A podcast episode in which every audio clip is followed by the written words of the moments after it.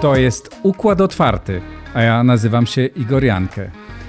Jak długo Władimir Putin może trzymać wojska na granicy z Ukrainą? Jak może wyglądać ewentualny atak na naszego sąsiada? Dlaczego Niemcy nie chcą się zgodzić na sprzedaż uzbrojenia Ukrainie i dlaczego są tak ugodowi wobec Rosji?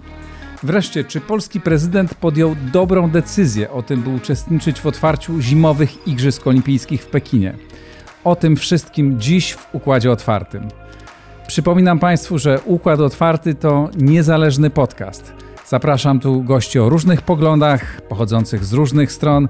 Razem staramy się w pogłębiony sposób wytłumaczyć to, co dzieje się wokół nas. Serdecznie zapraszam do wspierania tego projektu, do zostania częścią Układu Otwartego.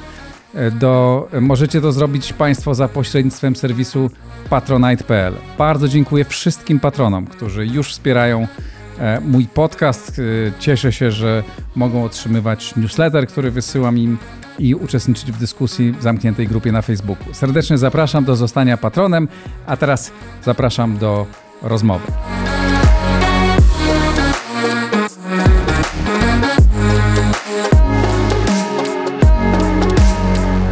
Generał broni Waldemar Skrzypczak, były dowódca wojsk lądowych. Dzień dobry panu. Witam pana, witam państwa. Dzień dobry. Pytanie, które zadałem na początku we wprowadzeniu. Jak długo Putin może trzymać granicy, na granicy swoich żołnierzy? No bo oni już są tam dosyć długo są już kilka miesięcy, są pewnie tym, że tam są, są poza rejonami stałej dyslokacji, są już tym zmęczeni, bo warunki bytowania w warunkach polowych są zupełnie odmienne od tych, które są w garnizonach, y, są daleko od rodzin, a zatem pewnie są już zmęczeni tą całą sytuacją i, i morale ich na pewno jest stosunkowo niskie, natomiast wszystko zależy od tego, jak się potoczy dalej e, los e, tego, co się ma wydarzyć, to, co ma być e, przedmiotem odpowiedzi którą ma udzielić Biden Putinowi na jego oczekiwania, które mówią wyraźnie o tym, że Putin chce mieć dalej dominację w Europie Wschodniej, chce mieć patronat w cudzysłowie nad e, Europą Wschodnią, między innymi nad Polską, nad Ukrainą, nad Gruzją, czyli chce odzyskać wpływy, które kiedyś były domeną Imperium Sowieckiego, Związku Radzieckiego, no to walczy i czeka na, odpowiedź od Bidena. I teraz e, wydaje się, że tych scenariuszy, które ma Putin w rękawie jest wiele. I one się w zasadzie już dzieją, bo one trwają od dłuższego czasu, chociażby e, w ramach tego scenariusza jest to, co działo się na naszej wschodniej granicy z Białorusią, to, co się dzieje na wschodniej granicy z Ukrainą, to, co się dzieje w eterze, to, co się dzieje w mediach, w cyberprzestrzeni. Cały czas ta wojna trwa i wojna informacyjna, cybernetyczna, tych obszarów, gdzie realizuje swoje scenariusze Putin jest bardzo wiele. Chyba ostatnim będzie ta inwazja, agresja, czyli konflikt zbrojny, który, w którym te wojska, które stacjonują przy granicy, o które pan pytał, e, będą użyte. Pytanie, czy będą użyte? E, no bo już po reakcjach e, Amerykanów, no trudno się spodziewać, żeby, żeby Biden zmienił swoją politykę i nagle zaczął ustępować Putinowi. Prawdopodobnie pozostanie przy takiej twardej odpowiedzi. W każdym razie w momencie, kiedy nagrywamy tę rozmowę, bo to ważne, rozmawiamy we wtorek e, wieczorem. Państwo będziecie e, oglądać tę rozmowę najwcześniej za, e, w czwartek. Wiemy, że Amerykanie są gotowi wysłać dodatkowe duże grupy żołnierzy i uzbrojenia w tej części Europy. Też wysyłają amerykańskie statki w tę część, w tę część Europy. Czy Pana zdaniem Putinowi w tej sytuacji mogą może podjąć decyzję, tak, wchodzimy i wtedy jak, jak, jakie to będzie e, znaczy... wejście punktowe w niektórych, e, w, w niektórych, e, na niektórych wąskich odcinkach, czy taka no, szeroka, szeroka wojna i próba zajęcia Kijowa? Putin po raz pierwszy zetknął się z takim stanowiskiem Stanów Zjednoczonych i Europy, jak teraz ma to miejsce. Wcześniej Europa ulegała jego naciskom, jego terrorowi i zawsze Europa miękła. Y, było to udziałem głównie Niemców, to zmiękczanie Europy, stanowiska Europy, żeby się e, oprzeć Putinowi. Tym razem jednak okazało się, że pani Merkel zabrakło. Nie ma kto zmiękczać Europy, zmiękczać Bidena i wydaje się, że to stanowisko jest stanowcze i odpowiada Putinowi wyraźnie nie. Chociaż Niemcy dalej by chcieli e, rozmiękczać, tylko tylko Niemcy, nie chce ich słuchać specjalnie. To jest zagadkowa e, gra Niemców, e, bo tą e, kartą Niemiec gra też i Putin. Niemcy grają dwuznacznie, mówiąc o jedności NATO i Unii Europejskiej, jednocześnie zmienić chcą i mają inne stanowisko co do konfliktu z Putinem. Wydaje się, że polityka niemiecka jest, tak jak powiedziałem wcześniej, jest dwuznaczna i mnie się wydaje, że poza tym, że powiązanie biznesu niemieckiego z oligarchami rosyjskimi jest oczywiste, to zastanawiam się, co jeszcze jest tłem takiego postępowania. Pewnie my się niebawem dowiemy, dlaczego tak jest, ale uważam, że ani Biden, ani Europa Zachodnia, a tym, a tym bardziej my, Polacy, nie powinniśmy ulec tej, tej chwilą słabości Niemiec i dalej stanowczo mówić Putinowi nie. I teraz gdzie jest ta granica? Mhm, no właśnie. Gdzie jest ta granica? Granica jest e, chyba wtedy, kiedy, e, kiedy mm, e, Putin tą wojnę nerwów zacznie przegrywać, bo stopniowo on zaczyna ją przegrywać, tą wojnę nerwów. Widać po tym, jak próbuje eskalować jeszcze przez użycie flot na Bałtyku, na Morzu Czarnym, czy, czy, czy kierowanie więcej wojsk na przykład na Białoruś. Czyli on dalej napina ten łuk bardzo, bardzo mocny, silny łuk, który jest skierowany głównie przeciwko Ukrainie, ale my nie wiemy tak na tą sprawę, jak wybuchnie konflikt na Ukrainie. O scenariuszu powiemy za może za chwilę, ale jak wybuchnie konflikt na Ukrainie, to moim zdaniem on się rozleje na Europę. Początkiem tego, e, tego rozlewania się tego konfliktu będą ucieczki setek tysięcy uchodźców z Ukrainy, którzy będą uciekali z rejonu wojny, z rejonu, gdzie spotkać ich tylko może śmierć. A zatem moim zdaniem ten konflikt, jak wybuchnie, Chociaż uważam, że są na tyle rozsądni politycy, że środki dyplomatyczne pozwolą tego konfliktu uniknąć, ale jak ten konflikt wybuchnie, to on rozleje się po Europie. Jakie mogą być te scenariusze? Czy to e, znając mechanizmy e, działania Rosjan i to, widząc, obserwując to, to, co się dzieje, czy bardziej prawdopodobne jest to, że to będą jakieś punktowe próby takiej ciągnięcia wojny hybrydowej, czy taka pełna, pełnoskalowa wojna, jak mówię, no próba, łącznie z próbą zajęcia Kijowa, czego nie możemy wykluczyć. Znaczy, ten wariant, który w tej chwili moim zdaniem Putin chce osiągnąć, to jest zmiana władzy w Kijowie, co pozwoli uniknąć Putinowi i Europie konfrontacji zbrojnej. E, ale nie wiem, czy Ukraińcy się na to zgodzą i czy Ukraińcy są przygotowani na to, żeby jakikolwiek rząd nowy, który byłby e, namiestnikowski z, Kremla, namiestnik, tak jak wyznaczyli nam kiedyś w naszej historii namiestników z Moskwy czy z Petersburga, tacy namiestnicy są w tej chwili możliwi do osiągnięcia w Kijowie. Wydaje się to mało prawdopodobne. Tu zresztą w tym miejscu dwa dni temu rozmawiałem z człowiekiem, który wrócił prosto z Kijowa i rozmawiał o tym, opowiadał o nastrojach, jakie E, jakie tam e, panują. panują. Wydaje się, że to jest, to jest kompletnie nieprawdopodobne. Żeby do, doszło do zmiany władzy, po prostu musi e, nastąpić jak okupacja i podbicie kraju. Wtedy oczywiście można. Chcę wierzyć, że Ukraińcy będą na tyle zdeterminowani, że nie dadzą się w jakikolwiek sposób oszukać Putinowi i, i oligarchom ukraińskim, którzy są spięci z oligarchami rosyjskimi. Scenariusze wojny, żeby do niej doszło, choć mhm. uważam, że to będzie ostateczny scenariusz, który ma Putin w ręku E, kolejnego już nie ma takiego. To będzie agresja zbrojna, która, mm, e, a co wynika z doktryny rosyjskiej, bo Rosjanie mają swoją doktrynę i warto by było, żeby Polacy trochę o tej doktrynie wiedzieli coś więcej, jak Rosjanie takie, tego typu konflikty rozgrywają. Proszę Pomi opowiedzieć. Pomijam e, sprawy walk wywiadów, która się toczy tam, można powiedzieć, pod ziemią, pod tym wszystkim toczą się walki wywiadów, kontrwywiadów, ale głównie takie operacje, powiedzmy o charakterze wojennym, zaczynają się od tego, że Rosjanie wykorzystują wszystkie środki, jakimi dysponują do zagłuszania e, wszystkich środków rozpoznawczych, i radarowych, i satelitarnych, i radiowych, jakby mm, zakłócenia ich funkcjonowania.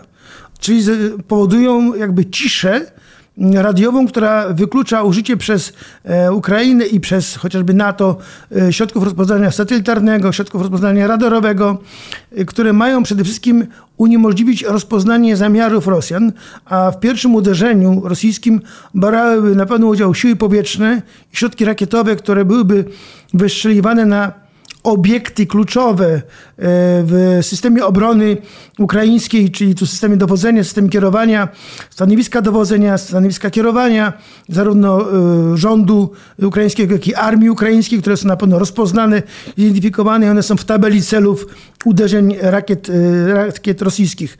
I takie, taka operacja powietrzna, uderzeniowa przy wykorzystaniu tego lotnictwa i rakietowego, rakietowego systemu trwałaby jeden, dwie, dwa dni, czyli jedno, dwie doby.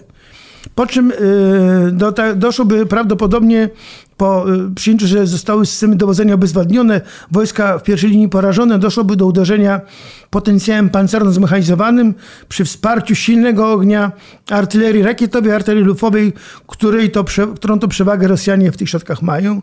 I być może by to miało, miało miejsce z trzech kierunków. Od Doniecka-Ługańska, tam gdzie uderzyła 20 Armia e, swoimi siłami, środkami i, i 8 Armia, prawdopodobnie część 8 Armii. Mm, e, od północnego wschodu mogłaby uderzyć pierwsza armia pancerna gwardii na, właśnie na Kijów, o którym e, pan wspomniał. No i od strony Białorusi mogłaby uderzyć 90. E, Dywizja Pancerna, która w tej chwili przemieszcza się do rejonu Smoleńska, która wspólnie podejrzewam z armią białoruską mogłaby to uderzenie wykonać, bo mm, trzeba wiedzieć, że armia białoruska jest częścią systemu dowodzenia armii rosyjskiej i Łukaszenka tak na dobrą sprawę nie dowodzi tą armią, dowodzą tą armią dowódcy rosyjscy. Czy ja dobrze rozumiem, że jeżeli dojdzie do takiego ataku, ten, ten przewidywany scenariusz przez, przez, przez pana to jest e, atak najpierw z powietrza, tak a z tego co słyszałem, nie wiem czy pan to potwierdzi, że e, no, Ukraińcy mają, to jest jedna ze słabszych, ze słabszych punktów e, armii, armii ukraińskiej, znaczy obrona przeciwrakietowa, systemy Dokładnie. Tak. radarowe, to nie działa, czy tego po prostu Ukraińcy nie mają, więc ten atak może być bardzo Skuteczny. Skuteczny. Generalnie Rosjanom będzie chodziło, na, y, chodziło o to, żeby obezwładnić systemy y, rozpoznania radarowego między nimi, które by wykrywały nadlatujące samoloty i rakiety, to po pierwsze, więc Rosjanie będą obezwładniali te systemy, zagłuszając czy wykonując jakieś uderzenia y, poprzedzające, tak aby obezwładnić całkowicie system obrony powietrznej, żeby te naloty były bezkarne. Czy to brzmi, to brzmi bardzo poważnie, bardzo przerażająco, no bo to może stać się z dnia na dzień, może stać się jutro, pojutrze, e, w każdej chwili i, i w zasadzie Ukraińcy na tym poziomie będą bezbronni. Zwiastunem e, nadchodzącej wojny będzie to, że Rosjanie uruchomią wszystkie systemy zakłócające systemy łączności, dowodzenia, rozpoznania satelitarnego, naziemnego, radarowego, każdego. Jak zaczną zagłuszać, znaczy, że idzie wojna. Pan się spodziewa, uważa, że to jest prawdopodobne, prawdopodobny model, że, na, że zostanie zaatakowana stolica e, Ukrainy, kluczowe instytucje, siedziba prezydenta, miejsca, z którego się dowodzi e, ukraińską armią. Wydaje się, że Putin y, wykonał krok za daleko. On w tej chwili już nie, nie ma alternatywy i moim zdaniem jakiekolwiek wycofanie się Putina z tego, co w tej chwili już rozkręcił, Y, to będzie jego porażka, porażka nawet nie w liczu świata, bo świat sobie to wytłumaczy, że politycy sobie poradzili z tym kryzysem.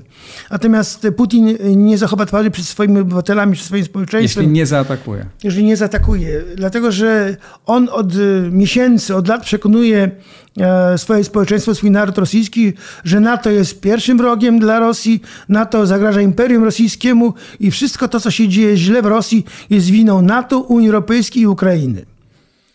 Brzmi to przerażająco. No dobrze, ale y, nastąpi ten y, po ataku, po ataku z powietrza wejdą siły lądowe. Tu już Ukraińcy chyba są lepiej wyposażeni i na pewno są lepiej zmotywowani. Podejrzewam, że morale armii ukraińskiej jest dużo, dużo wyższe i determinacja Ukraińców dużo, dużo wyższa niż potencjalnych rosyjskich napastników. Czy pańskim zdaniem tutaj ten opór może być wystarczająco silny i czy wojska lądowe ukraińskie byłyby w stanie zatrzymać napór. Na dzień dzisiejszy armia ukraińska jest dobrą armią, jest armią dobrze wyszkoloną, dobrze wyposażoną. Oczywiście ma mankament, jednym z nich to jest ten, o którym pan wspomniał, że mają sobą obronę przeciwpowietrzną.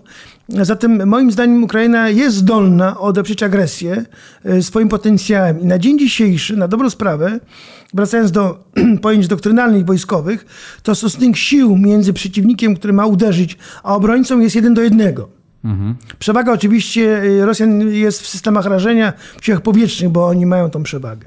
I teraz e, jeden na, do jednego, jeśli jeden chodzi do jednego, o... Ile stan osobo, stan, stany mhm. osobowe, stany potencjałów wojsk lądowych? Przy, ale mówi, mówimy o tych wojskach rosyjskich, które są zgromadzone wokół Przy granicy. granicy. Tak jest. Przecież Putin może dosłać drugie 100 tysięcy, mówi się. To tak na dobrą sprawę niech on tak e, nie będzie, nie, nie bądźmy optymistami, że on tak sobie może, bo e, on ma inne problemy. To raczej pesymistami z naszego punktu widzenia. Z, z naszego tak, ma pan rację. Natomiast Putin ma problemy inne, bo Putinowi płonie Kaukaz, Putinowi płoną granice południowe całych e, byłych republik radzieckich, e, które w tej chwili są na pograniczu z e, Chinami. Tam ma poważne problemy Putin i on nie może nagle wszystkich wojsk, które ma, którymi dysponuje, zabrać stamtąd, ponieważ niektóre państwa tylko czekają na to, że Putin wpadnie w, tarap, wpadnie w tarapaty, które sam sobie wywoła, na przykład wojnę z Ukrainą i ten moment jego słabości wykorzystają, odzyskując całkowitą suwerenność, czy może niezależność od Moskwy, bo o to głównie chodzi. Przykładem Kazachstan i inne państwa, gdzie były republiki.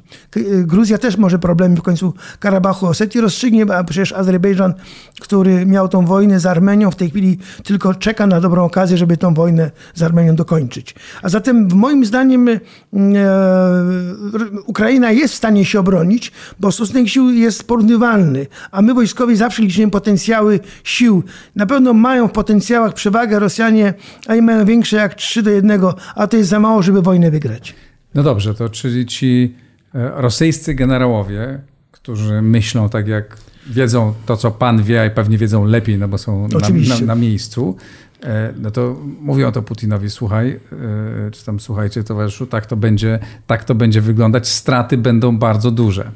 A wiemy też z doświadczenia historycznego, co oznaczają duże straty ludzkie również dla e, rosyjskiego przywództwa. Jak się zaczną e, rosyjskie trupy słać na ziemi, obrazy, dzisiaj żyjemy w, w rzeczywistości obrazkowej, Rosjanie będą to widzieć, jednak to nie jest tak, że Putin jest zupełnie niezależny od rosyjskiej opinii publicznej. Czy nie jest tak, że on może jednak przekalkulować, jeśli jest tak, jak pan mówi, no, że jednak cena może być e, niezwykle wysoka e, dla niego i skutki końcowe mogą być fatalne.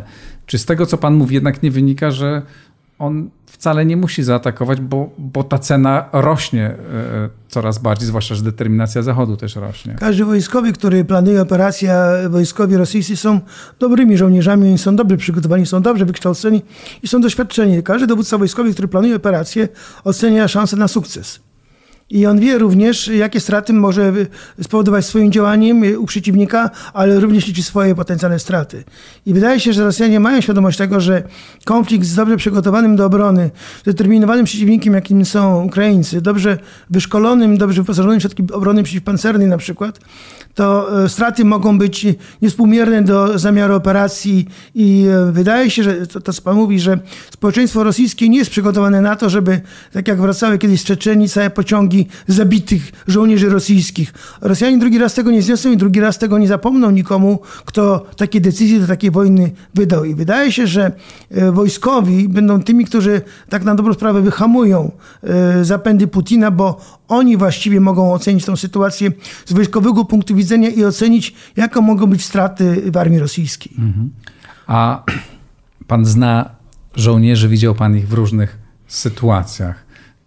Spróbujmy sobie od, opisać to, jak może wyglądać dzisiaj sytuacja w tych rosyjskich koszarach, czy w tych miejscach, które, gdzie są e, tymczasowo skoszarowani e, e, rosyjscy żołnierze, jaka tam jest, jaka tam może być atmosfera, jakie mogą być skutki tego, że jak pan mówi, no to morale może nie być zbyt wysokie. Co to może znaczyć w praktyce w momencie, jeśli Putin powie atakujcie? Znaczy ci żołnierze w tych warunkach są już dłuższy okres czasu, więc te warunki powodują to, że, że, że ich morale, ich ta wytrzymałość fizyczna też i psychiczna jest powiedzmy u granic wytrzymałości. To jest po pierwsze. Po drugie, żołnierz rosyjski jest żołnierzem... Yy, może mniej e, mentalnie, czy może świadomościowo przygotowany do wojny e, niż na przykład żołnierz amerykański.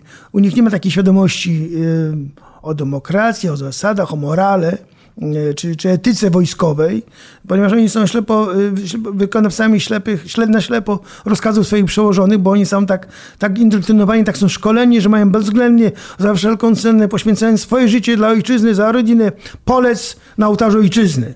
Y, takiej świadomości, takiej polityki, takiej mentalności nie ma u naszych żołnierzy armii zachodnich, w Polskiej również też takiej nie ma. A my się wydaje, że to, tego doznaliśmy, nauczyliśmy się w Iraku, w Afganistanie. Ale czy, tego, czy to dalej tak jest? Znaczy, czy oni, ci e, rosyjscy żołnierze są dalej tak karni, czy nie są zdemoralizowani, czy nie Oni... są sfrustrowani? No pewno, że psychicznie mogą być już w złym stanie, czy nie zaczną się, nie wiem, ucieczki? Czy to nie jest tak, że po prostu w momencie, kiedy trzeba iść do ataku, no to biegniemy wolniej, chowamy się, nie, nie to są takie, wie pan, relacje, które wynikają z relacji historycznych rosyjsko- rosyjsko-ukraińskich. Wcale obywatel Rosjanin nie widzi wroga w obywatelu Ukraińcu. No właśnie. I tak samo żołnierze, którzy są przecież częścią z tego społeczeństwa rosyjskiego, nie widzą tak na dobrą sprawę w Ukraińcach swoich wrogów. I, yy, I nie widzę, powiem tak, ważne jest to, żeby tych żołnierzy przekonać, że Ukraińcy, Ukraińcy jest wrogiem.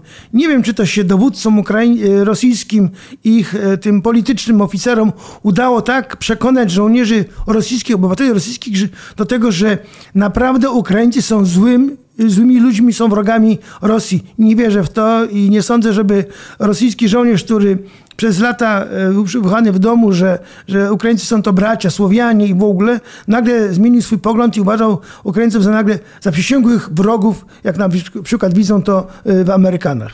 A z kolei e, Putin przekonał dużą część Ukraińców, jeśli nie wszystkich Ukraińców, że Rosjanie nie są wcale ich braćmi, a na pewno nie ci, którzy służą Putinowi tam ta świadomość narodowa, ta tożsamość narodowa i przekonanie o zagrożeniu, które może im przynieść Putin, a nie, korzy- a nie, a nie żadna nie widzą żadnych korzyści z tej współpracy, jest chyba duże, więc tam ta determinacja może być dużo większa. Absolutna racja i Putin przez 5 e, lat od 2006 lat od 2014 roku mm, e, tak straszył Ukrainę, że w końcu Ukraińcy przestali się bać Putina. Uwierzyli w to, że Ukraina może być państwem niezależnym, samorządnym, e, suwerennym. Uwierzyli w swoją niepodległość, uwierzyli w Ukrainę, bo jako państwo, odrębność e, swoją państwową widzą wyraźnie. I wydaje się, że to e, dziełem Putina jest to, że Ukraina uwierzyła w to, że może być państwem suwerennym i że naród ukraiński wcale nie jest e, ludźmi Putina. Jeszcze na koniec, proszę opowiedzieć, jaki jest stan armii ukraińskiej. Wiem, że jakiś czas temu pan był, rozmawiał, e, był na Ukrainie, rozmawiał z swoimi kolegami, e, oficerami e, ukraińskimi. Jak pan ocenia ich stan organizacyjny, E, etyczno-moralny i, i, i, i, jakość sprzętu, które posiadają. Znaczy, to są już inni ludzie, mówię o dowódcach ukraińskich, to są ludzie, którzy już wyrastali w tej właśnie takiej wolności, niezależności. Oni między innymi z nami byli w Iraku, wtedy jeszcze jako oficerowie młodsi, teraz już generałowie są. Oni zupełnie inaczej patrzą na, e, na nas, na NATO, na Europę Zachodnią, na Polskę. Inaczej patrzą też i na Rosję. E, ja wierzę w to, że oni są dobrze przygotowani, że będą dobrze tym wojskiem dowodzić. To wojsko jest moim zdaniem jak na możliwości Ukrainy dobrze przygotowane i dobrze wyposażone. Oni mają około 40 brygad. W tej chwili e, mobilizują kolejne e, wojska, bataliony ochotnicze między innymi, które udowodniły w 2014 roku, że żołnierz ukraiński jest bardzo wartościowym, o wysokim morale, zdeterminowanym żołnierzem. A ten, moim zdaniem ten potencjał, który mają w tej chwili Ukraińcy, blisko 1300 czołgów, 140 tysięcy żołnierzy na pozycjach bojowych. Jest to potencjał taki, z którym Rosjanie sobie nie poradzą. I miejmy nadzieję, że uświadomi to sobie e, Władimir Putin, czy chociaż uświadomią mu to e, jego dowódcy. Jego, jego dowódcy i zniechęcą go do ataku, ale pan ciągle nie wyklucza, że do tego ataku może dojść. Jak rozumiem, jeśli do tego dojdzie, to ten atak zacznie się od ataku z powietrza, powietrza na, tak stolicę, e, na stolicę Pozostaje nam wierzyć, że e, politycy rozwiążą problem na drodze dyplomacji, że wojny nie będzie, bo ta wojna nam też zagraża. Waldemar Skrzypczak, generał broni, były dowódca polskich wojsk lądowych. Dziękuję panu Dziękuję bardzo. bardzo.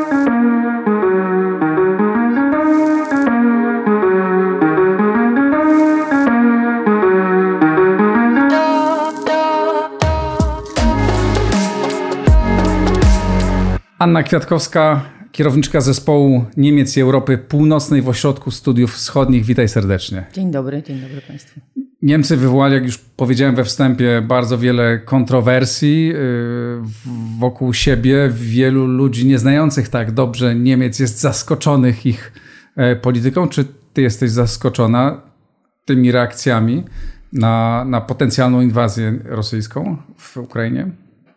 Mm, zaskoczona pewnie nie jestem, chociaż masz rację, rzeczywiście y, ostatnie posunięcia Niemiec, czy y, nawet nie ostatnie, ale w ogóle polityka i to, że kontynuują, choć obiecali ten nowy rząd, że zmienią tę politykę y, prowadzoną choćby przez jeszcze kanclerz Merkel, te reakcje ich wywołują no dużą, powiedziałabym nawet nie tylko to, co wspomniałeś, niezadowolenie wśród sojuszników, ale wręcz wściekłość na Ukrainie. I nie da się tego nazwać zupełnie inaczej. Y, tutaj trzeba przyznać Niemcom, że jeśli chodzi o postanowienia sojusznicze, y, czy w NATO, czy w Radzie NATO-Rosja, czy w Unii Europejskiej, to oni się trzymają razem. Tego nie można im jakby zarzucić. Kwestia jest taka, że inaczej widzą y, moment, w którym dochodzi do nakładania właśnie sankcji. Znaczy, które to miały być sankcje, jak, jak nimi operować, czyli w tym y, ich y, takim paradygmacie prowadzimy dialog, ale jesteśmy twardzi. To Annalena Baerbock, nowa minister y, spraw zagranicznych, tak twierdzi, chociaż to jest w ogóle doktryna taka niemiecka. To oni bardzo stawiają na dialog, niezwykle wręcz, to też denerwuje sojuszników, bo, bo za bardzo jest to rozbudowany element. Natomiast w tym arsenale sankcji, czy tym arsenale bycia twardym, to już bardzo pilnują, żeby to nie były sprawy, które jakoś naruszą specjalny, y, specjalne jakieś relacje niemiecko-rosyjskie lub też nie zaszkodziły im y, gospodarczo. Bo można też inaczej przedstawić ten ich, y, ten ich, tę, tę ich politykę, że to jest takie no, utrzymujmy dobre stosunki z naszymi zachodnimi partnerami, z tymi partnerami tak. transatlantyckimi, ale róbmy dalej interesy z Rosją i nie drażnijmy e, e, Rosji, bo raz ciągle mamy nadzieję, że to wielki rynek, w którym będziemy sprzedawać wiele naszych e, towarów, a dwa, uzależniliśmy się energetycznie od tego kraju i boimy się wstrzymania dostaw gazu.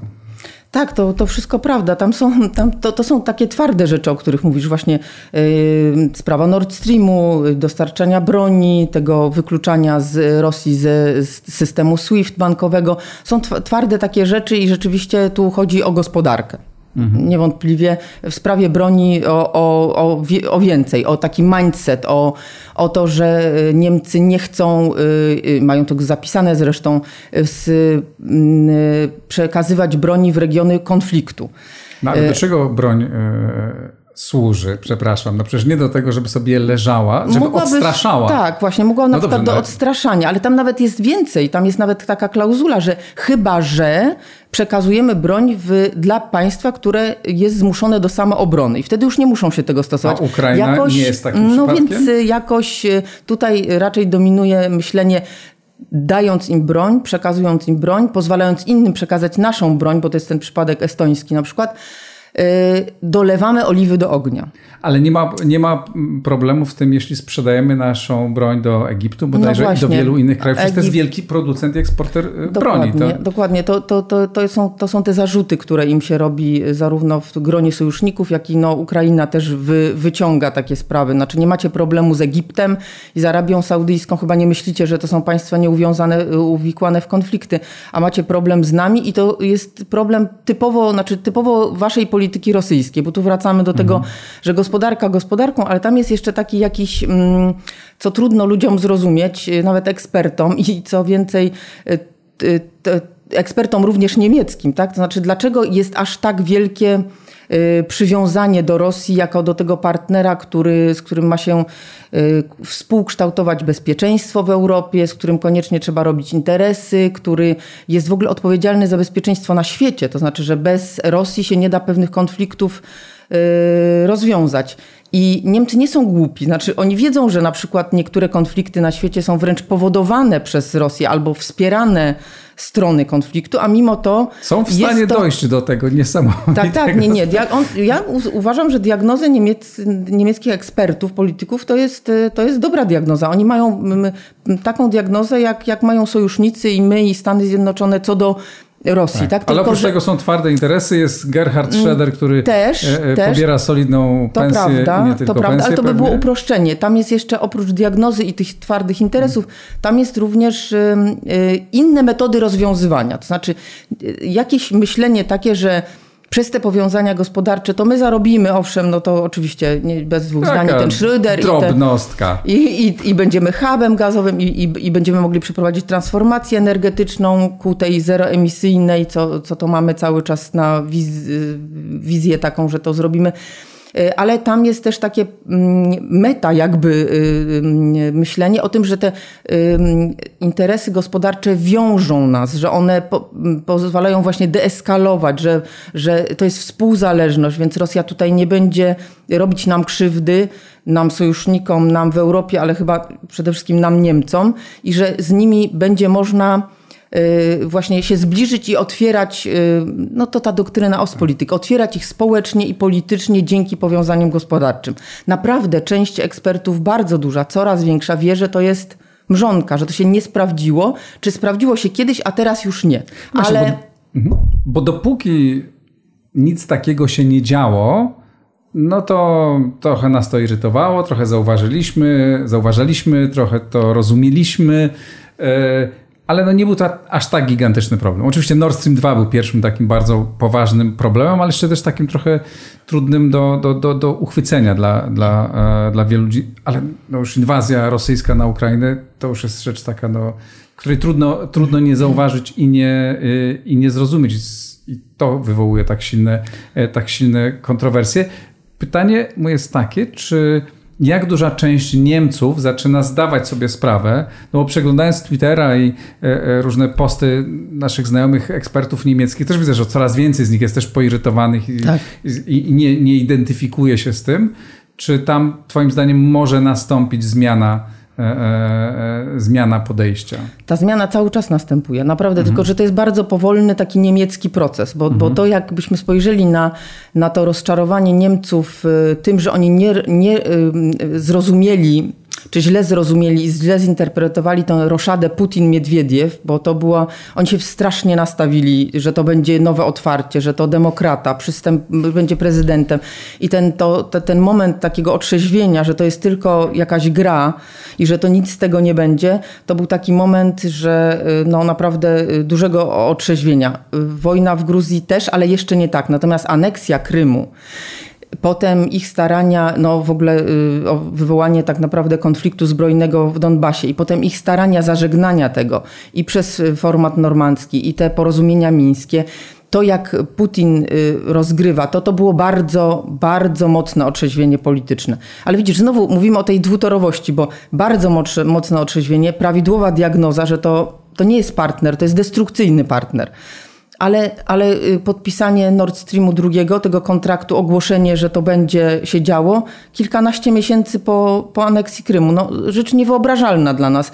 Ja zawsze twierdziłam, że to będzie bardzo mocny, że, że oni bardzo dostaną mocno za Nord Stream 2, właśnie tak wizerunkowo. I to się teraz dzieje. To znaczy, yy, coraz bardziej wszyscy, znaczy bardzo duża część y, polityków y, i ekspertów mówi, że to był ogromny geopolityczny, również biznesowy błąd. Ale wracając do, do, do Twojego pytania, badania. 60% ludzi badanych w ostatnim, po, początek stycznia było badanie robione, jest za tym, że, żeby Niemcy trzymały się tego Nord Streamu, bo on jest już ukończony, bo to da e, Niemcom przewagę prawda, na tym rynku e, gazowym. Przy 70 kilku procentach mm, respondentów, którzy uważają, że Rosja jest y, partnerem, na którym nie można polegać. Coraz bardziej agresywnym, coraz bardziej mm, destrukcyjnym. Przedziwne.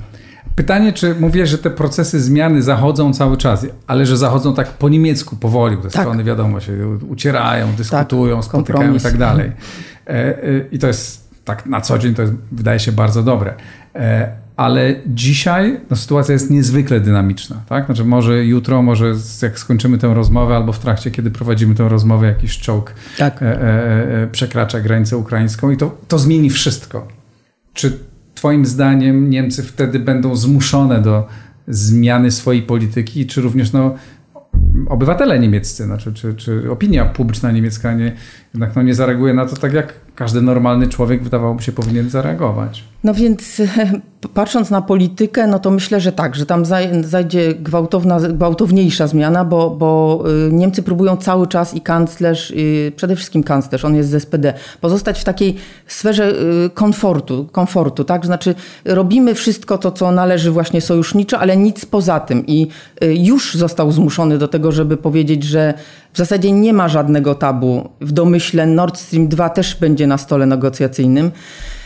I tu nastąpią zmiany gwałtowne, gdyby doszło do takiego, takiej sytuacji, gdzie Niemcy będą mogli jasno powiedzieć, i tu Rosjanie bardzo uważają, żeby nie doszło do takiej jasnej sytuacji, przekroczyliście czerwoną linię, znaczy jest to inwazja, tak? Natomiast jeśli chodzi o społeczny odbiór, to ja jestem wielkim sceptykiem po, po tym, jak y, no, prawie codziennie roz, oglądam programy publicystyczne w Niemczech. Znaczy one są na bardzo wysokim poziomie, tam, tam jest y, prowadzona głęboka dyskusja. Trzy czwarte tych programów to jest y, mm, taki podział nie, znienawidzone prawdopodobnie i przez sojuszników, i przez y, Ukraińców, zwłaszcza słówko aber, czyli ale. Czyli mhm. mamy retoryczne przedstawienie przez interlokutorów wszystkich. Putin to zrobił źle, jest agresywny, no, y, prowadzi destrukcyjną politykę i tak dalej. I potem jest to słynne aber, czyli ale, i tutaj zaczynamy wręcz mówić narracją rosyjską. Y, NATO okrąża Rosję, na Rosja, Rosji jesteśmy winni specjalne traktowanie. Nie ma te... takie, takie głosy tam się Tak, tak. To są na przykład zupełnie młodzi ludzie, z, profesorowie z uniwersytetów, y, eksperci, żeby była jasność, są też oczywiście ich oponenci po drugiej stronie, mhm. którzy mówią, no zaraz, przepraszam, a, a Ukraina, a Białoruś, przecież to są tak samo narody, które ucierpiały. Czemu mówicie o Rosji? Z czego biorą się te głosy tych młodych ekspertów? Czy co, oni są wychowani na stypendiach rosyjskich? Nie, nie, to, to nie jest kwestia przekupstwa, myślę. No nie, to, to nie jest takie wprost przekupstwo, prawda? To tak jak mm. u nas było wielu ekspertów, jest... którzy korzystało ze stypendiów niemieckich, siłą rzeczy spędzało dużo czasu, przybierały czasem niemiecki mm. punkt widzenia, takie pojawiały się to e, jest... zarzuty. No jest taki naturalny proces, prawda? Rozumiem, ale to jest chyba raczej y, kwestia takiego, yy, możemy nazwać to przekupstwem, przekupstwem ideologicznym. To znaczy, tak. że oni bardzo mocno wchodzą w E, tą taką narracyjną jakby bańkę. Dają się mhm. przekonać temu, że, że e, no na przykład właśnie Ukraina no nie jest tak naprawdę prawdziwym państwem, żeby było, nie było, cytuję, tak? Mhm. E, że, że, że właśnie to nie, nie sięgają głębiej, tak bardzo po powierzchni, że to właśnie Rosjanie tyle wycierpieli w II wojnie światowej, tyle ich zginęło. No przecież to były narody Związku Radzieckiego, tak? I Białorusini, i Ukraińcy. Że tak naprawdę to są strefy wpływów. No nie oszukujmy się, prawda? I oni leżą w tej strefie wpływów y, y, rosyjskiej i czemu i my im to tak zabieramy, a jak nam by, no i tak dalej takie no, Nord Stream 2, no przecież to jest, przecież to się opłaca wszystkim, przecież to zbliża narody, taka współpraca gospodarcza. Tego typu rzeczy, które teraz zacytowałam, jeszcze raz mm -hmm, tak. z, przypomnę. Y, I to ten strach przed wojną również, przed wybuchem prawdziwego konfliktu, znowu niezauważanie, że konflikt w Europie trwa. Od 14 roku mamy, czy 15 mamy regularną w zasadzie wojnę na południu Ukrainy i że to jest Europa, to są takie mm, zadziwiające, ale no, y, punkty, w których y, oni wchodzą jak w masło w tę narrację rosyjską. Może dlatego, że ona jest. Y, silnie reprezentowana po prostu w, u naszego zachodniego sąsiada. Y, y, Niemcy teraz walczą i z dezinformacją, mają prawo wprowadzone różne, różne y, prawodawstwo, mają problem z tym nadawcą RT Deutschland, tak? Ta Russia, Russia Today, Today, Dokładnie, mhm. która walczy o, o, o możliwość nadawania jako telewizja. No, to są... A czy nie ma takiej e, e, refleksji, która wydaje się była bardzo silna, kiedy upadał e, mur, e, kiedy Niem i przez to kolejne dziesięciolecie, kiedy Niemcy e, świadomie bardzo wspierały Polskę z różnych powodów, ale również takich, że no po prostu przesuwały granice e, wobec imperium rosyjskiego, już może nie nazywając tego wtedy imperium zła, dalej od siebie, prawda? Za polską granicę. No przecież to jest coś, co, jakby, co było takie bardzo oczywiste, że to tak przez różnych powodów opłaca również z powodu bezpieczeństwa. No to teraz, kiedy jest zagrożenie na Ukrainie, to z powodów ich bezpieczeństwa, bo przecież kiedy polska sytuacja się pogorszy, gospodarcza, to będzie być bardzo duże, a może się pogorszyć w tak. wyniku wojny na Ukrainie, no to będzie miał wpływ również na niemiecką gospodarkę, bo nasze gospodarki są bardzo silnie powiązane, dużo, dużo bardziej niż rosyjska i niemiecka. Tak jest, znaczy Niemcy uważają, że wykonały swoją lekcję i swoje zadanie jakby do, do ochrony własnego państwa, doprowadziły do zjednoczenia Tu znowu ukłon, bo Gorbaczow oczywiście bardzo im pomógł. Reszty już tak nie pamiętają, a ta wdzięczność dla Rosjan, pamiętajmy, mówię tylko o wycinku debaty publicznej, tak, tak ale o tym, który taki najbardziej jest szokujący. Więc innych już kwestii tutaj tak nie wy, wy, wypuklają, ale Gorbaczow tak. Mają te dobre relacje z Rosją, nie boją się militarnego ataku. Doprowadziły do tego, że Pol Polska jest w Unii, Polska jest w NATO, więc nie są już państwem frontowym. Wykonały swoją pracę, więc teraz y, jakby y, nie mają takiego poczucia zagrożenia y, militarnego, tak, że im się może coś stać. I uważają, że jak to, co powiedział Fukuyama tam niecałe 30 lat temu, historia się skończyła i, no, i w zasadzie to dalej. Mam nadzieję, że nie, ale rzeczywiście no, odsunęli od siebie to bezpośrednie niebezpieczeństwo i yy, próbują zachować pokój. Aniu, jeszcze jedno pytanie o wpływ, yy, o wpływ zachodnich, zachodniej opinii publicznej, a zwłaszcza amerykańskiej i amerykańskich polityków. No bo dopóki był Trump, E, i on mógłby naciskać na Niemcy, no to Trump był bad boy, nie lubiliśmy go, nie chcieliśmy z nim współpracować i opinia publiczna to rozumiała. No ale jest e, e, demokratyczna, demokratyczna administracja w Stanach Zjednoczonych i ona w zasadzie zachowuje się tak samo jak Trump, mniej więcej. I oni tak samo są tak. w Waszyngtonie. Ta postawa Niemiec nie jest dobrze przyjmowana. Czy to po pierwsze może pogorszyć relacje niemiecko-amerykańskie, czy właśnie w wyniku nacisków amerykańskich Berlin zreflektuje się i skoryguje swoją politykę? E, Berlin się rzeczywiście reflektuje, no mówię o tych właśnie zmianach, które nastąpiły, czy dotyczących Nord Streamu, że położony został w zasadzie na stole negocjacyjnym, choć tak jeszcze niewyraźnie. E, I te naciski e, obecne, jeżeli nie chcecie dostarczać broni, ok, ale to przynajmniej nie przeszkadzajcie. To jest wszystko wynik na, nacisków sojuszniczych, w tym Stanów Zjednoczonych. Stany Zjednoczone też nie chcą jakby tracić sojusznika, którego uznają za w zasadzie swojego największego tutaj w Europie. To widać po tym, jak z se obchodzą się z Niemcami jak z jajkiem w sprawie, też znowu wracam do energetyki e, Nord Streamu. W Niemczech wybuchła euforia z powodu, e, wręcz taka groteskowa trochę z powodu wyboru e, Bidena i tak jak 70% Niemców uważało, że, że no, przesadzę, ale USA imperium zła za, za Trumpa, tak teraz 70% uważa, że to partner, że powróciliśmy do dawnych sojuszniczych stosunków, że, że, że da się z, ze Stanami współpracować, że to jest dobra współpraca. Natomiast y, my y, też musimy pamiętać, że w Niemczech jest bardzo mocne takie mm, y, no, poczucie, czy, czy w ogóle taki, taka myśl ta antyamerykańska. Znaczy to, to myślenie SPD jeszcze za Schrödera, że my tu będziemy się emancypować, co się zresztą udawało i Merkel to robiła, tylko nie w sferze militarnej, tak? no bo tu są bezbronni, ale w każdej innej próbowali i, i robią to nadal.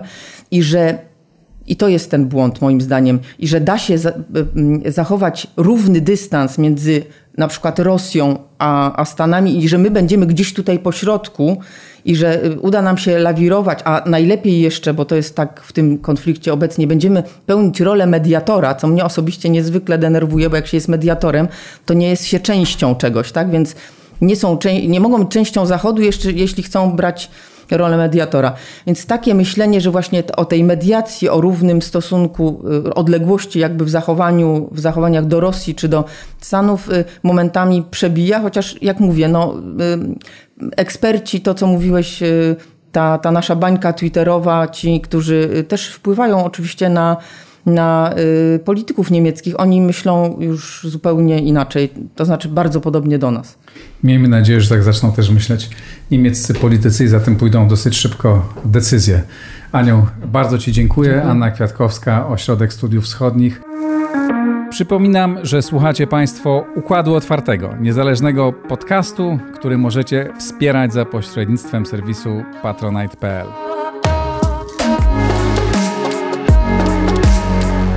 Radosław Pyfel, e, ekspert do spraw Chin, autor m.in. takiej książki Biznes e, w Chinach, w której wypowiada się wielu, wielu autorów, ale Radku, ty jesteś jego e, głównym, głównym twórcą tej książki, zresztą nie, jedynej, nie jedynego dzieła na temat Chin. Zajmujesz się tym państwem od od bardzo dawna. No właśnie, i tak się poznaliśmy 14 lat temu, kiedy jako... 14? To już tyle? 14. Akurat y, też wydałem wtedy książkę o Igrzyskach Olimpijskich, tylko wtedy letnich w Pekinie. Tak. W 2008 roku, to było chyba właściwie zaraz po tych Igrzyskach i byłem wtedy przedstawicielem utalentowanej e, młodzieży, wytypowanym do takiego stypendium German Marshall Fund i pamiętam, że zasiadałeś wtedy w komisji właśnie z ramienia A, German proszę. Marshall Fund.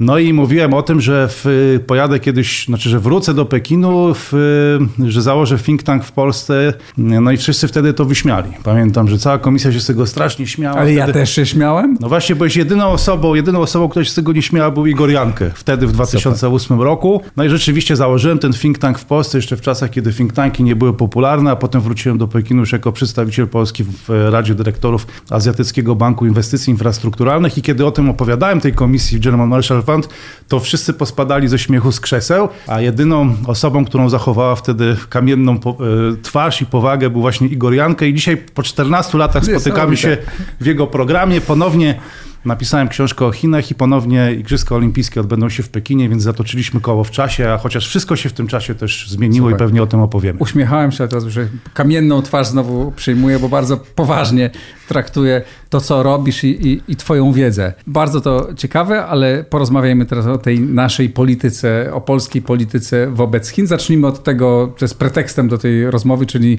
decyzji prezydenta Andrzeja Dudy o, o tym, żeby lecieć jednak na, e, na to otwarcie. Że źle? Właściwie trzeba to oceniać w szerokim kontekście i patrząc w takim szerokim kontekście międzynarodowym, ona może być zaskakująca. Znaczy na pewno z tego powodu bardzo ucieszą się e, Chiny i sam Xi Jinping, który zresztą życzył prezydentowi Dudzie szybkiego powrotu do zdrowia nie tak całkiem dawno, a to dlatego, że Amerykanie już od kilku miesięcy wywierają ogromną presję na Chiny, tą presję dyplomatyczną, o której wspomniałeś we wstępie do programu, no, nawołując inne kraje do tego, żeby one zbojkotowały dyplomatycznie, czyli to nie będzie bojkot sportowców, ale Tak. dyplomatów. Bo żeby oni... też, powtórzmy, odbędą się w pełnym składzie, zdaje się, tak? E, Odbędą, Sportowym. tak, odbędą się w pełnym składzie. To nie jest tak jak w czasach powiedzmy zimnej wojny, że się Moskwa, Los Angeles, sportowcy przyjadą w komplecie, no ale pytanie jest, czy w komplecie przyjadą dyplomaci. Amerykanie nawołują do tego, żeby protestować, żeby nie przyjeżdżać, żeby protestować przeciwko sytuacji jakby Ujgurów, ludności muzułmańskiej w Chinach, taj, kwestia Tajwanu, Hongkongu, kwestia chińskiej tensiski Peng Shuai. No i przekonali kilka krajów, od razu wszystkie te kraje anglosaskie, właściwie Australia, UK, e, Kanada, potem Belgia, no ale potem zrobił się pewnego rodzaju problem, bo te kraje nie wszystkie zaczęły się deklarować. Japonia powiedziała, że nie wyśle żadnego dyplomaty, tylko działaczy olimpijskich, ale też nie chce, żeby to było nazywane bojkotem olimpijskim. Trochę e, jakby wody w usta nabrały Niemcy, Francja, Unia Europejska nie doszła też do porozumienia. Niektóre kraje zaczęły mówić, że tak jak Holandia czy Szwecja, że one się tam nie pojawią, ale z powodów e, obostrzeń epidemiologicznych, tak samo Nowa Zelandia, która o tym już powiedziała w grudniu. No i w tym momencie decyzja prezydenta jakby RP no uderza w tą strategię, bo w momencie, w którym te kraje się wahają i którym mają różnego rodzaju wątpliwości, tak, taka decyzja Polski, która jest postrzegana jako bliski sojusznik amerykański, że jednak jedziemy, że nie przejmujemy się tym bojkotem i to Oj. jeszcze wysyłamy reprezentację na najwyższym szczeblu, Tak. to A utrudnia bardziej sprawę Amerykanom niż Chińczykom. Że zwłaszcza w ostatnim czasie, kiedy na przykład była głośna sprawa, cały czas, jak rozumiem, trwa sprawa Huawei, 5G, tego czy możemy używać, czy nie możemy używać tej e, chińskiej infrastruktury, elementów chińskiej infrastruktury, wtedy Polska była taka dosyć no, uległa wobec, e, e, e, wobec Amerykanów w tej sprawie. I potem pojawiały się wówczas takie głosy, czy, czy nam się to opłaca, mówiąc szczerze, bo tu powiedzmy sobie szczerze, nie chodzi o prawa człowieka w tej chwili, tylko o bardzo twarde interesy e, różnych państw. No, nasze interesy niewątpliwie są bliżej ze Stanami Zjednoczonymi, ale z drugiej strony Niemcy i wszystkie inne państwa, które mają pełne usta e, e, sloganów o prawach człowieka, robią bardzo twarde interesy obroty handlowe z Chinami mają gigantyczne. No tak, sprawa jest, sprawa jest, można powiedzieć, złożona. Ja mam takie wrażenie, że we wszystkich tych kwestiach związanych z, z relacjami Polska-Chiny, no to one rząd, każda z tych kwestii jakby rządzi się swoimi prawami, więc jakby każdy przypadek jest rozpatrywany oddzielnie, przecież mamy inwestycje infrastrukturalne też chińskie w kolej w Polsce, tak, czy obwodnica Łodzi, czy kolej e, Warszawa-Białystok, tam jeden z tych odcinków także budują Chińczycy, w związku z tym e, no to, to jest bardzo taki zniuansowany obraz, a te relacje są bardzo, można by powiedzieć, wielopłaszczyznowe wielopłaszczyznowe i tutaj to powiedzmy, że jest ten element taki e, dyplomatyczny. E, kancelaria prezydenta, no, którą mógłby spytać e, Igor Jankę, który wrócił do dziennikarstwa, jest z powrotem, jest znowu dziennikarzem, to mógłby zadać to pytanie, jaką mamy strategię i, i co zamierzamy zrobić po tej wizycie, bo prezydent Duda bardzo często brał udział w różnego rodzaju spotkaniach organizowanych przez Chiny. To wynika także z tego, to musimy powiedzieć, że on jest partnerem dla Xi Jinpinga, który jest co prawda przewodniczącym Chin, ale uznawany jest za kogoś w rodzaju głowy państwa prezydenta. Jest jego naturalnym odpowiednikiem w polskim systemie politycznym jest Andrzej Duda i bardzo często właśnie, czy to jest spotkanie Europa Środkowa, Chiny, zbojkotowane na przykład przez Litwę, tak, czy przez państwa bałtyckie, to wtedy prezydent Duda często się na tych spotkaniach pojawia jako odpowiednik Xi Jinpinga. I po prostu tak to się układa w relacjach obu krajów. No ale co, e, co e, moglibyśmy, znaczy co będzie wynikiem tych, e, tych, tego spotkania czy tej wizyty, to myślę, że, że to jest jakby oddzielna dyskusja. Oficjalnie kancelaria prezydenta mówi o tym, że, że to będzie jakby doping polskich sportowców, tak? No wiadomo, że to jest gest polityczny jakiś. Teraz pytanie jaki i pytanie, czy on się wpisuje właśnie w jakąś strategię, bo ja tak obserwując, ty jesteś znawcą, z ciebie pytam, ale patrząc tak z daleka na te nasze relacje polsko-chińskie, to miałem wrażenie, że żaden zresztą z polskich rządów nie mógł się zdecydować, czy tak naprawdę powinniśmy intensywnie współpracować z Chinami, e, czy nie powinniśmy, e, czy nas e, przed tym bronią Stany Zjednoczone, czy sprawa praw człowieka, czy z drugiej strony no jednak interesy, czy relacje Chin z Rosją, prawda, dla nas niebezpieczne. Tak no minęło 14 lat i rozmawiamy o tym samym. tak. I rozmawiamy o tym samym. Były igrzyska letnie, teraz są zimowe, a nasza rozmowa przebiega w podobny sposób, mimo że wiele zmieniło się na świecie, zmieniła się Polska, Chiny i my się zmieniliśmy też. Powiedziałbym, odpowiedziałbym chińskim przysłowiem, które zawsze przy tego typu okazjach powtarzam. Tachu, zhuoye, xiaochu, zhuo shou. Tak? A, no tak, to rozumiem. czyli, Nie wiem, co państwo na to. No właśnie. Więc e, patrząc oczami ogarniamy wielki obraz, a małymi rączkami ogarniamy szczegóły. Tak? Mhm. Czyli to jest pewnego rodzaju kombinacja jakby dwóch perspektyw. I ja mam wrażenie, że w Polsce jesteśmy specjalistami od wielkiej geopolityki, od koncertu mocarstw. E, właściwie nawet chcemy cały czas jakby w nim nawet można powiedzieć, że uczestniczyć. Natomiast trochę brakuje tych małych rączek, które ogarnęłyby te e, szczegóły. E, więc... Czyli które by robiły twarde interesy. Tak, bo to, że właściwie to, o czym wspomnieliśmy, że Niemcy trochę, można powiedzieć, coraz częściej mówi się o tym, że rozczarowują e, no, no Polskę, że e, spodziewaliśmy się, że inaczej będą się zachować, że nie spełniają jakby naszych oczekiwań. No ale to, proszę Państwa, powiedzmy sobie szczerze, to Chiny są jednym z największych partnerów niemieckich, Niemcy są największym eksporterem z Europy. No i to powoduje, że mają pewne problemy, żeby się wypowiedzieć chociażby w sprawie bojkotu dyplomatycznego. Mają pewne problemy, jak się okazuje też, żeby ostro wypowiedzieć się w sprawie Rosji. E, Nord Stream, czy też ta kwestia przysyłania, wspierania Ukraińców poprzez e, przesyłanie broni ze Estonii i tak dalej. Chociaż niedawno szef, e, już były szef marynarki wojennej Niemiec na tym słynnym spotkaniu powiedział, że należy oddać szacunek Putinowi, powinniśmy go wspierać, ponieważ oni działają, nie, nie możemy pomóc, pomagać Chińczykom, żeby się tak rozrastali, bo, bo oni nie są chrześcijanami. Jakiś absurd. No, różne, róż, właśnie okazało się, że w sytuacji tej zwiększającej się presji międzynarodowej e, są bardzo różnego rodzaju dziwne zachowania i dziwne wypowiedzi, tak? Mhm. E, więc no... Mm, e, no dobrze, ale wróćmy do Polski. Czy, czy, czy my mamy, czy byś był w stanie określić w jaki sposób nazwać naszą, jak, jaką do tej pory mieliśmy, mamy strategię wobec, wobec Chin? No myślę, że przede wszystkim mamy kilka, kilka spraw jakby na tej agendzie, ale one je należy rozpatrywać jakby oddzielnie, bo każdy z nich jest oddzielnym jakby przypadkiem. Kilka takich e, kwestii też, e, też wskazałeś. E, no wydaje mi się, że jesteśmy tak jak no, cały czas u progu jakiejś strategii, ale też musimy pamiętać, że no, no czas płynie, tak, czas płynie. Nasze strategie, my jesteśmy specjalistami od strategii to i od wielkiej geopolityki, ale tu znowu kolejne chińskie przysłowie, że można rozmawiać o e, tamping, to z kolei jest po chińsku, rozmawiać o wojskowości nad kartką papieru.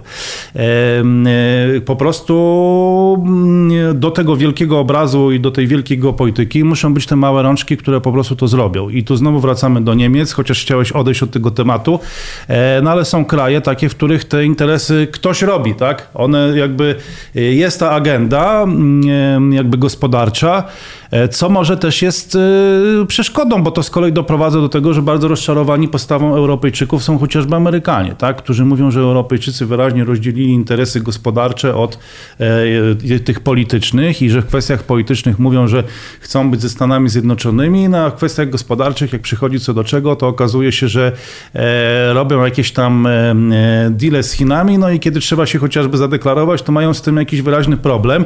Chociażby ten nowy rząd niemiecki, który powstał przez wiele miesięcy, on miał wyraźnie zmienić retorykę w stosunku do tego rządu Angeli kanclerz Merkel.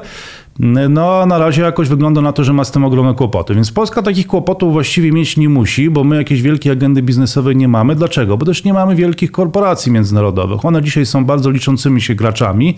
Widzimy wyraźnie, że nawet w wielu krajach e, czy to zachodnich, czy także w Chinach trwa w ogóle wielkie napięcie. E, kto po prostu będzie jakby, jak ułożą się te relacje między wielkimi korporacjami a rządami.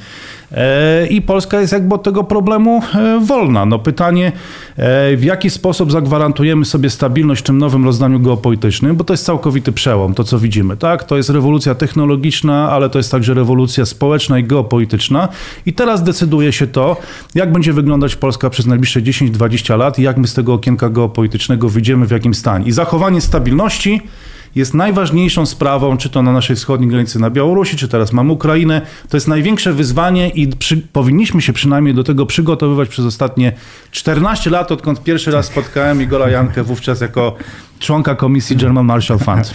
Pytanie jest wobec tego takie czy powinniśmy? No bo rozumiem, że opcje są dwie. Jedna, stać twardo przy Amerykanach, bo to jest nasz najpewniejszy partner, co te dni zresztą pokazują e, e, wobec zagrożenia, e, które jest za naszą wschodnią granicą potężnego. Właściwie Amerykanie są tutaj, zachowują się najpoważniej, naj, naj, najbardziej możemy po, pomagać oni mają gigantyczny problem z Chinami, więc czy powinniśmy stać po ich stronie, czy powinniśmy jednak próbować jakoś balansować i grać z jednymi i z drugimi, próbować e, robić interesy e, e, z Chinami, ewentualnie używać ich jako czegoś do lewarowania naszej polityki wobec Stanów Zjednoczonych i innych państw europejskich. No ja nie wiem, co to będzie, jak się spotkamy za 14 lat i czy to, czy to teraz to jest moment na robienie tych interesów mhm. i jakie to są teraz interesy w czasie takich wielkich niepokojów społecznych i rewolucji geopolitycznej. Wydaje mi się, że sytuacja też nie zależy w dużej mierze od nas, bo ona zależy od tego, jak się ta gra ułoży w tym koncercie mocarstw między USA, Chinami, Rosją, Niemcami. No ale, właśnie zmierzam mierze... do, ale zmierzam do pytania, jak my powinniśmy się w tej sytuacji zachować. Co by mm. było najlepsze z polskiego punktu widzenia. Trochę to wygląda tak, jak gra w NBA, gdzie po prostu ta piłka, widzę, że w swoim kanale często nawiązujesz do metafor sportowych i często dyskutujesz o sporcie. Trochę tak, jakby ta piłka gdzieś tam lata między Chinami, USA, Rosją, Indiami, Niemcami e, i trochę to jest skomplikowane. Mamy na przykład kolejny dylemat, to jest Litwa, e, która poszła na takie zderzenie czołowe z Chinami w kwestii Tajwanu. Otworzyła przedstawicielstwo mhm. dyplomatyczne Tajwanu, ale nie z nazwą Tajpej, tylko Tajwan, co zawsze rozjusza Pekin. No i poszła na wymianę ciosów z Imperium e, Chińskim. E, wtedy Pekin wyłączył jakby Litwę z e, handlu międzynarodowego. To powoduje to, że nie można na Litwę wysłać żadnych towarów, ani z, ani z Litwy żadnych towarów ściągać do Chin. I w kogo to uderzyło? No uderzyło to w korporacje międzynarodowe, które przesyłały sobie komponenty na Litwę i teraz nie mogą tego robić. I głównie są to korporacje niemieckie, które mają ogromny problem, bo muszą ten łańcuch dostaw zmienić muszą zapewnić magazynowanie, to się wszystko komplikuje, zwiększają się koszty, czas tych przesyłek. No i oni wywierają już presję na Litwę, żeby jednak oni skończyli z tą ostrą retoryką. No i teraz pytanie, jakie pojawia się przed Polską. Popieramy Litwę, yy, stajemy po stronie wartości Solidarności Europejskiej, najważniejszej wartości Unii, do której wchodziliśmy, w którą wierzyliśmy, czy popieramy naszego najważniejszego e, partnera gospodarczego, jakim są e, Niemcy? Tu łatwych odpowiedzi nie będzie. Zwłaszcza, że, i tu przechodząc na pytanie, bo nie chodzi o to, żebym chciał mnożyć dylematy i, mhm. i uciekać no od właśnie, głównego będę pytania. tak się docisnę. Co powinniśmy twoim zdaniem robić? Znaczy na Chinach E, bardzo dobrze. Czy tam jest więcej ryzyk, czy więcej szans na nas? E, no, to znowu zależy od, od tego, jaka to jest, e, jaka to jest kwestia, jaka to jest sprawa na agendzie. E, powiem tak, znaczy na pewno Amerykanom zależy na tym, żeby budować e, jeden blok. Jeden blok, tak jak było to w czasach zimnej wojny. I to bardzo często, jak się rozmawia ze specjalistami amerykańskimi, no to oni czują tak, jakby to była e, w dalszym ciągu zimna wojna. W Europie sytuacja jest trochę inna, dlatego że kraje zachodnioeuropejskie uciekają od takiego jasnego opowiedzenia się, chociażby Niemcy czy Francja. No i teraz pytanie, w jakiej sytuacji znajduje się, znajduje się w Polska, tak? Mamy dwa brzegi brzegi Eurazji, tak na dobrą sprawę, one są bardziej ze sobą związane niż nam się wydaje, bo z jednej strony mamy Chiny i Tajwan, z drugiej strony mamy Rosję, Ukrainę, Białoruś, kraje bałtyckie.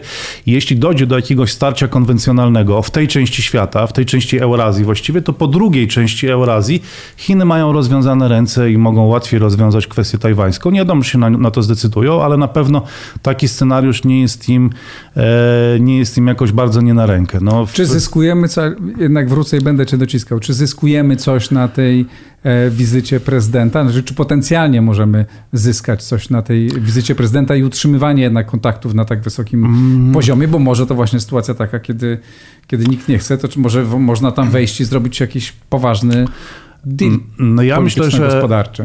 No tak, to czy 14 lat mieliśmy na te deale, y, na, na te małe rączki, które te deale mogłyby przygotować, one były nawet na stole. Ja już nie chcę może e, wchodzić w różne szczegóły, bo przez te 14 lat też miałem jakby okazję przejść trochę na drugą stronę i nie tylko być komentatorem, ale, ale przejść na drugą stronę, więc trochę tak jak Igor Jankę też przeszedłem na jedną stronę, potem wróciłem e, do komentowania.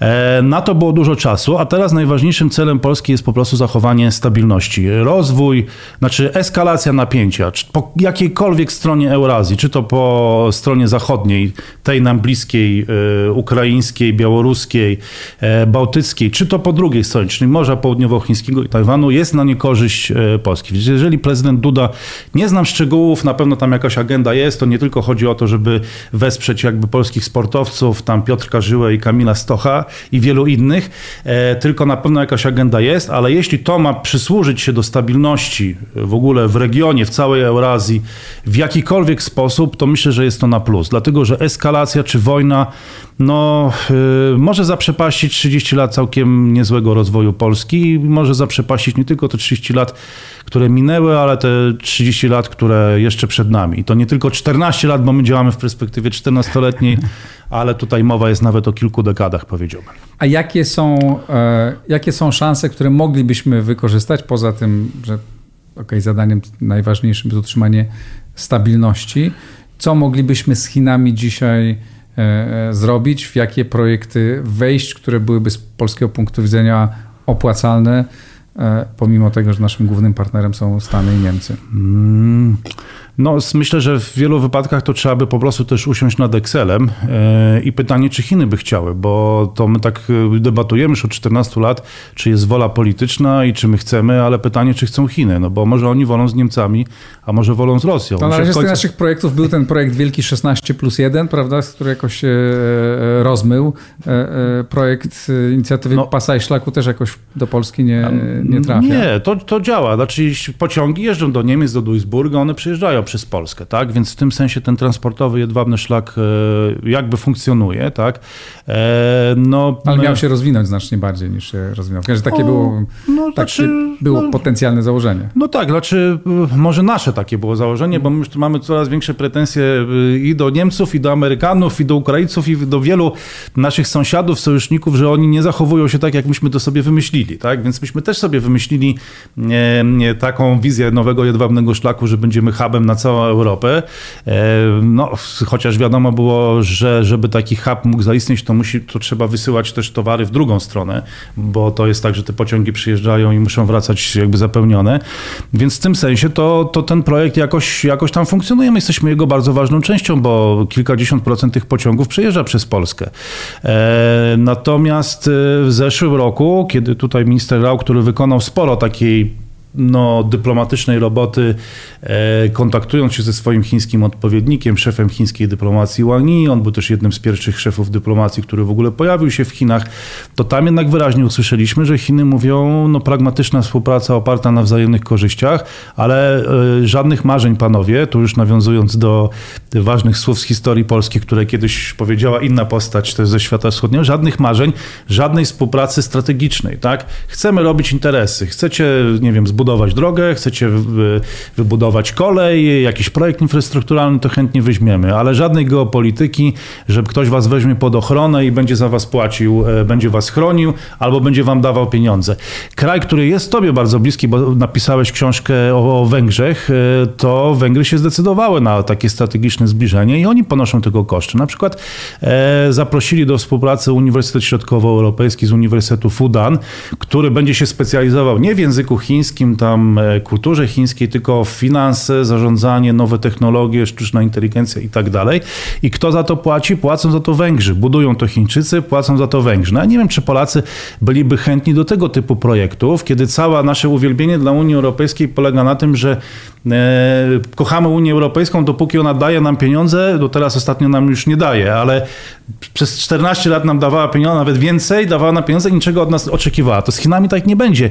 I ja nie sądzę, żeby taki konsens w Polsce y, powstał, żeby Chiny chciały zastąpić Unię Europejską jako ten dobry wujek, który będzie, y, będzie płacił na utrzymanie. I tak się też nie dzieje na Węgrzech, tylko mm. ten konsens na Węgrzech, które już 10, w 2010 roku ogłosiły strategię wiatr na wschód, na Węgrzech ten konsens działa, a w Polsce uważam, że chyba by nie zadziałał. Też, no, ale... tak, też tak myślę. Myślę, że tu się zgodzimy, że najważniejsze jest utrzymanie stabilizacji. Miejmy nadzieję, że ta wizyta... I małe rączki, i małe rączki do robienia wielkich rzeczy. I e, e, te wielkie rzeczy robi czasem Radosław Pyfel, a no. robi jeszcze jedną rzecz, o której nie powiedziałeś e, sam i ja przedstawiając się nie powiedziałem, że Radosław Pyfel jest jednym z wykładowców Szkoły Przywództwa, którą ja z kolei organizuję, a która właśnie rozpoczęła rekrutację. Więc jeśli ktoś z Państwa chce posłuchać na żywo wykładów Radosława Pyfla. Zapraszam na, na stronę szkołaprzywództwa.pl i zapiszcie się Ja mówię bardzo przykre projektu. rzeczy, mam ogromny elektorat negatywny, więc nie wiem, czy to była zachęta. No ale Igor Jankę zawsze szedł pod prąd. E, więc zdecydował się w ten sposób zareklamować swoją szkołę, więc wielkie dzięki raz jeszcze. Ja dziękuję bardzo. I to wszystko na dziś. Dziękuję Państwu, że byliście ze mną przez ponad godzinę. Mam nadzieję, że rozmowy były ciekawe i mam nadzieję, że wrócicie do Układu Otwartego za kilka dni, kiedy będzie nowy odcinek. Zapraszam serdecznie do wspierania Układu Otwartego w serwisie patronite.pl. Do usłyszenia.